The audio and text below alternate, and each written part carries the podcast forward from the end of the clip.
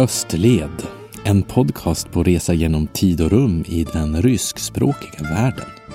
Idag, eh, inget verkligt avsnitt faktiskt. Det blir ett, ett kort eh, pausavsnitt istället med frågor från folk som hört av sig till mig och eh, rättelser också. Eh, lite smått och gott, så håll till godo.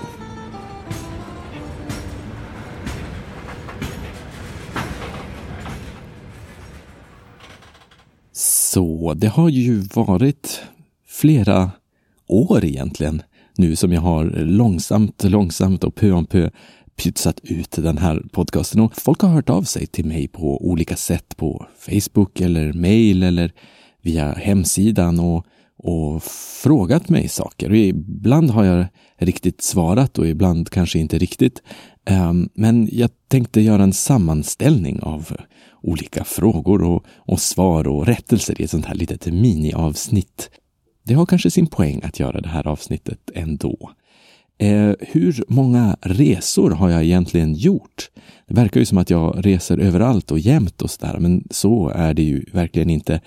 Jag har ändå varit ute och rest ett bra tag, men jag har inte gjort någon så väldigt extremt lång resa. Istället har det varit mycket stötvis typ um, några månader i taget. I Centralasien har det varit kanske tre månader drygt totalt. Uh, två gånger två månader i Kaukasus och plus två månader när jag bodde i Georgien då för två år sedan. Uh, och sen stötresor i Ryssland på typ en vecka i stöten, men kanske en månad totalt. Um, plus den månad som jag reste i Ryssland för podcasten. Så det är väl kanske tio månader allt som allt. Men det är alltså utspritt över tid. Jag kom till Ryssland första gången 2003. Det mesta som jag har rest i österled har jag ju faktiskt rest i sinnet och läsandes. Men det är härligt att kunna föra ett sånt liv där man kan eh, ta sig för att resa så som, som jag har gjort och, och att läsa så som jag har gjort egentligen också. Men det har varit lite speciellt nu under coronatiden förresten. Eh, och jag reser ju faktiskt inte nu, nu eh, ska jag säga, även om jag pytsar ut avsnitt under den här eh, pandemin. Men mina inspelningar från Ryssland och Georgien och, och Moldavien och Ukraina och så, det har varit före och, och jag fortsätter också sen mina äventyr i Georgien i, i nästa avsnitt. Men jag, ehm, jag reser ju alltså inte längre. Jag har bara sparade inspelningar från det som jag redigerar och så. Och ibland går det dåligt med redigeringarna. Jag har några rättelser. En georgisktalare meddelade mig att ett eh, inte betyder att dricka vatten utan att köpa vatten och det är helt riktigt. Um, jag menade att böja skals bara där när man köper men, men så klippte jag ihop det fel. Svam är jag dricker, så svam alltså. Jag dricker vatten på georgiska men um, georgiska ska undvika i fortsättningen. Det borde förresten alla göra som har någon självbevarelsedrift. Georgiska är ohyggligt svårt att lära sig. Hade jag stannat kvar i Tbilisi så hade jag ändå försökt, tror jag. Alltså, eh, jag har ju försunkit så djupt nu i min språknördighet så, så jag hade inte riktigt haft något val, känner jag. Och jag var faktiskt också inskriven på kurser i, ehm, på Alliance Française i Tbilisi Eh, för att lära mig. Och georgiska är häftigt, häftigt. Det har ett eget alfabet och galet uttal och, och ord som börjar på typ mt, m och t eller mkt, v eller mtsch um, som eh, uh, Mtsketa, som är gamla huvudstaden, eller Mtkvrtneli, uh, eh, som faktiskt betyder lärare. Nej, tränare, tränare. Det börjar alltså med mts. Mtsvrtneli. Eh, jag, jag gör ett senare avsnitt igen där jag rättar det uttalet. Om det är någon georgier som kan uttala det riktigt kan ni gärna skicka in en inspelning där jag ska ha, ha med det. När jag var i så började mina interaktioner med folk oftast med min standardfras som var typ “Gamarjoba na ruskom gavariti”. Så alltså gammalt jobbat på georgiska hej eller god dag typ och sen eh, på ryska ifall folk pratade ryska. När ruskom gavrite, pratar, pratar ni ryska? Hur länge har jag läst ryska? Frågar man mig. Jag brukar ju säga ja ifall frågar mig, folk frågar mig ifall jag pratar ryska, men sanningen är ju att jag inte pratade speciellt superbra. Det har jag sagt flera gånger i podcasten också, att min ryska är ganska usel, men praktisk. Jag kan använda gaturyska något sånär och, och, och så. Men jag har faktiskt pluggat ryska också. Eh, och, och, det är viktigt. Om man vill lära sig ryska ska man verkligen göra det. Fast jag var kanske inte en så flitig student som jag hade velat vara när jag läste ryska. 2006 kanske det var. Nu minns jag inte riktigt exakt när det var. Men jag läste kvällskurser, en baskurs som det heter på universitetet i Umeå. Och det motsvarar typ gymnasiestudier i ryska, så det är som grunderna, det började från början.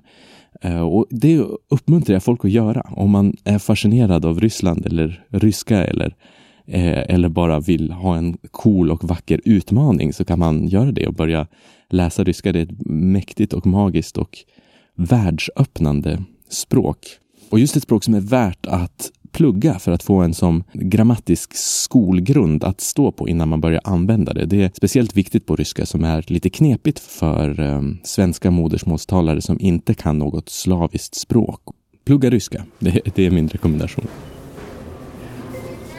Teknologisk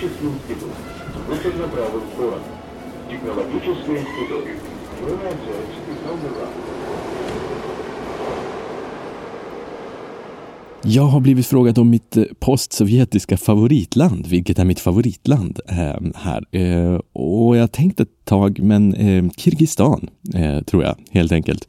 Mysigt ställe, ödmjuk, folksjäl, ett hejdlöst vackert land. Mäktiga berg, det ligger alltså mitt i Centralasien mellan Kina och Uzbekistan. Typ. Um, mindre svinerier i Kirgizistan än i de omliggande diktaturerna. Och turismen i Kirgizistan är så här charmigt ordnad bland organisationer som, som är som kooperativ och som sprider inkomsterna från turismen bland folk i, i byarna. Det tycker jag var väldigt charmigt. Så det, man, man känner sig väl till mods när man reser runt där. Och det är väldigt lättrest ställe också och lätt att ta sig till. Um, och inga jättekrångliga inreseregler som det är i de andra stanländerna eh, typ Uzbekistan och Tadzjikistan och sen så är det billigare än i Kazakstan. Och, och ryskan funkar, ett annat stort eh, eh, plus. Och ja, det är ett höjdarställe helt enkelt. Speciellt för ryttare och friluftsfolk om man gillar att gå på tur eller fotvandrare så, så är det helt otroligt. Kanske lite mindre bra för historienördar som jag själv. Då skulle man kanske ta sig till Uzbekistan istället.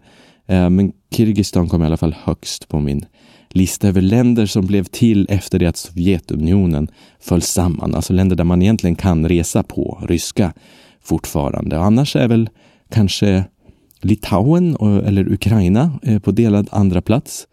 Inte lika lätt att resa runt i Litauen på ryska som det är kanske Lettland, men också jättefina och nära eh, ställen att åka till. Jag har rekommenderat under mina ukrainska avsnitt att folk åker och kollar och upptäcker Ukraina lite grann. Ja, det är inte lätt det där att rangordna, kanske på delad tredjeplats, där Georgien och själva, själva enorma Ryssland, som alltid är, alltid är fascinerande. Men eh, ja, jag har mycket kvar att utforska ryskan. Kanske, kanske kommer det stiga eh, på min lista allt eftersom jag lär känna det mer. Otrevligaste postsovjetiska landet förresten är Turkmenistan, eh, tveklöst. Ocharmigt på många sätt. Men också ett fantastiskt ställe på många sätt, jättehäftigt. Men 48 grader varmt eh, bland massa paranoida militärtyper och tomma övermoderna marmorstäder. Jag vet inte. Jag, eh, jag fann aldrig min plats i Turkmenistan. Turkmenistan är det enda landet som jag också besökt bara en gång. Eh, ska jag säga, det kanske är lite av en anledning. Ehm, och Azerbajdzjan, eh, där har jag också bara varit en gång. 2004, för eh, jättelänge sedan. Men det vore kul att åka tillbaka. Jag lurar faktiskt lite grann på, folk har frågat vad min nästa resa skulle bli och jag lurar lite grann på att göra en sydkaukasisk resa genom ryska Kaukasus eh, och Azerbajdzjan och börja antingen i Baku eller i, jag får se. Det kanske blir någonting annat. Eh, vi får vänta till pandemin lägger sig.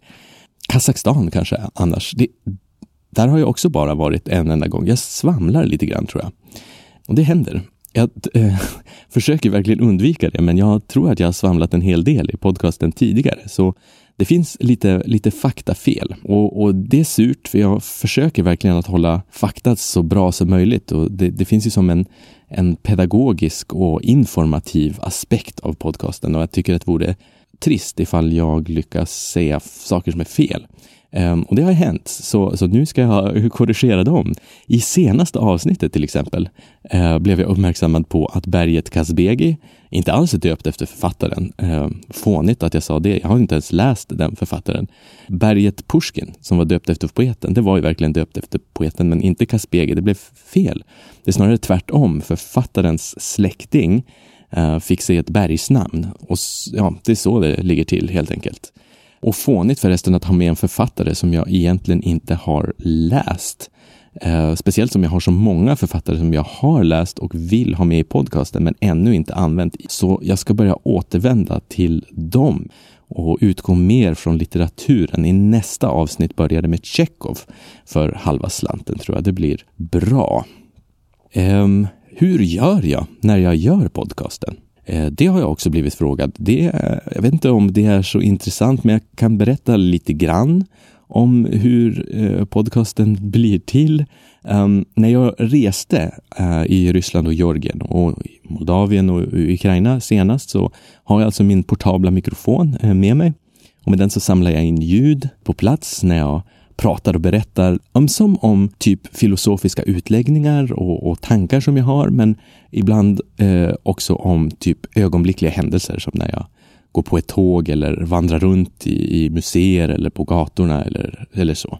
Och det är mest de där senare som ni hör i podcasten, för mina filosofiska utläggningar som jag spelade in på plats, de är eh, stökiga och störiga och har ofta massa bakgrundsljud eh, i sig och, och framförallt det att de saknar stringens. Det, det, det, är väldigt svårt att klippa ihop ett avsnitt som har någon form av röd tråd om man ska ha med alla de där filosofiska delarna. Så det som jag gör istället för att få avsnitt som har en röd tråd är att jag, eh, jag lyssnar på alla mina insamlade ljud och samlar mina anteckningar. För när jag har rest så har jag suttit på tåg och antecknat som en galning. Det finns verkligen hur mycket anteckningar som helst. Jag har en hel bok och ett anteckningsblock och sen massa lösa blad och så och sen så sammanställer jag dem, ofta på något café här i Ixelles i Bryssel, renskriver dem på datorn så att det blir som någon form av podcastavsnittsanteckningar som, som dels bygger på de anteckningar jag har gjort som kan vara